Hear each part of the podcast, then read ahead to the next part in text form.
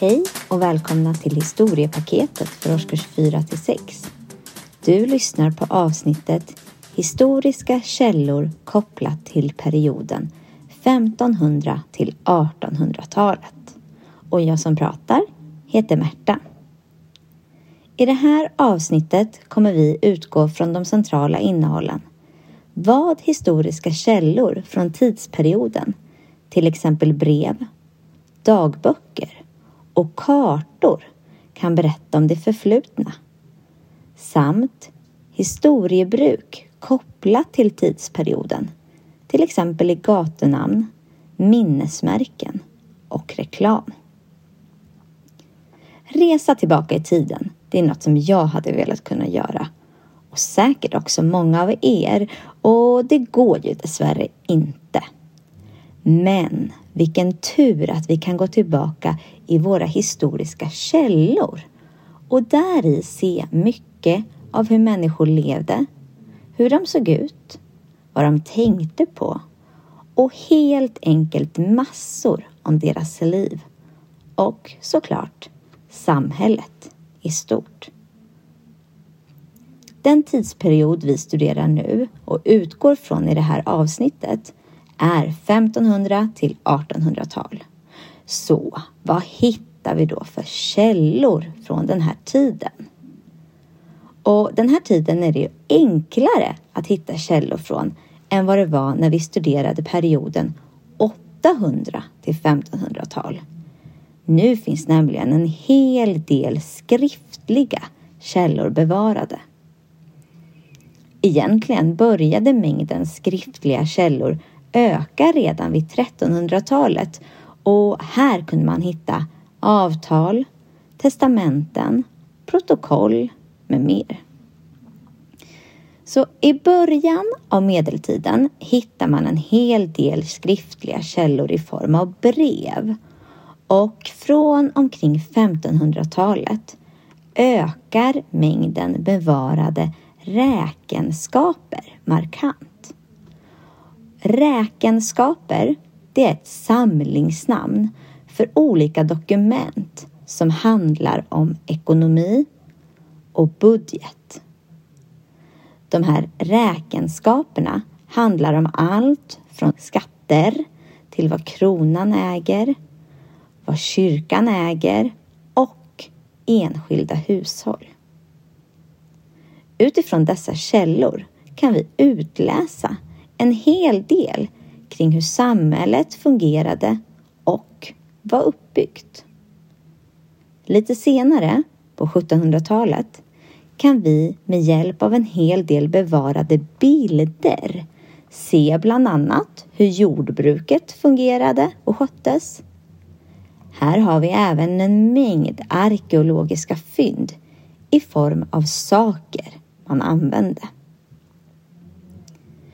Men om vi återgår lite till bilder som källa och här innefattar alltså målningar, gravyrer, ritningar. Alltså det här är innan fotografiet. Det är en ganska bra källa, särskilt om man studerar bilder tillsammans med skriftliga källor och eller arkeologiska fynd.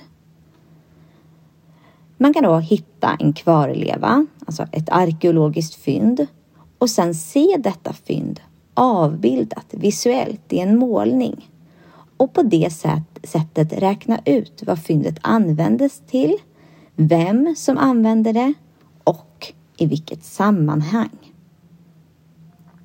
Så finns det även sånt som bilden inte visar. Om det är exempelvis en bild på två personer så kan vi ofta inte se hierarkin mellan dessa, vilka roller de båda hade i hemmet och deras respektive arbetsuppgifter. Vi ser helt enkelt det som bilden visar. En ögonblicksbild och då är det viktigt att sammanföra bilden med andra källor för att få en ordentlig och bredare uppfattning.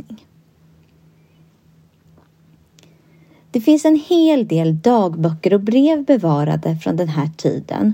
Och utifrån dessa kan vi utläsa en hel del om individers känsloliv, hur de uppfattade sina respektive liv, vad de brottades med för typ av problem och bekymmer.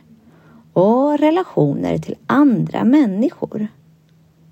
Här får vi helt enkelt en djupare förståelse för individers privatliv och det är en ovärderlig källa för oss idag för att förstå likheter och skillnader mellan vårt liv idag och livet från den tid som källan är bevarad från.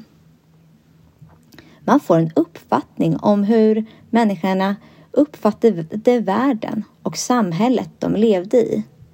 Vad de kände till och vad de eventuellt inte hade koll på.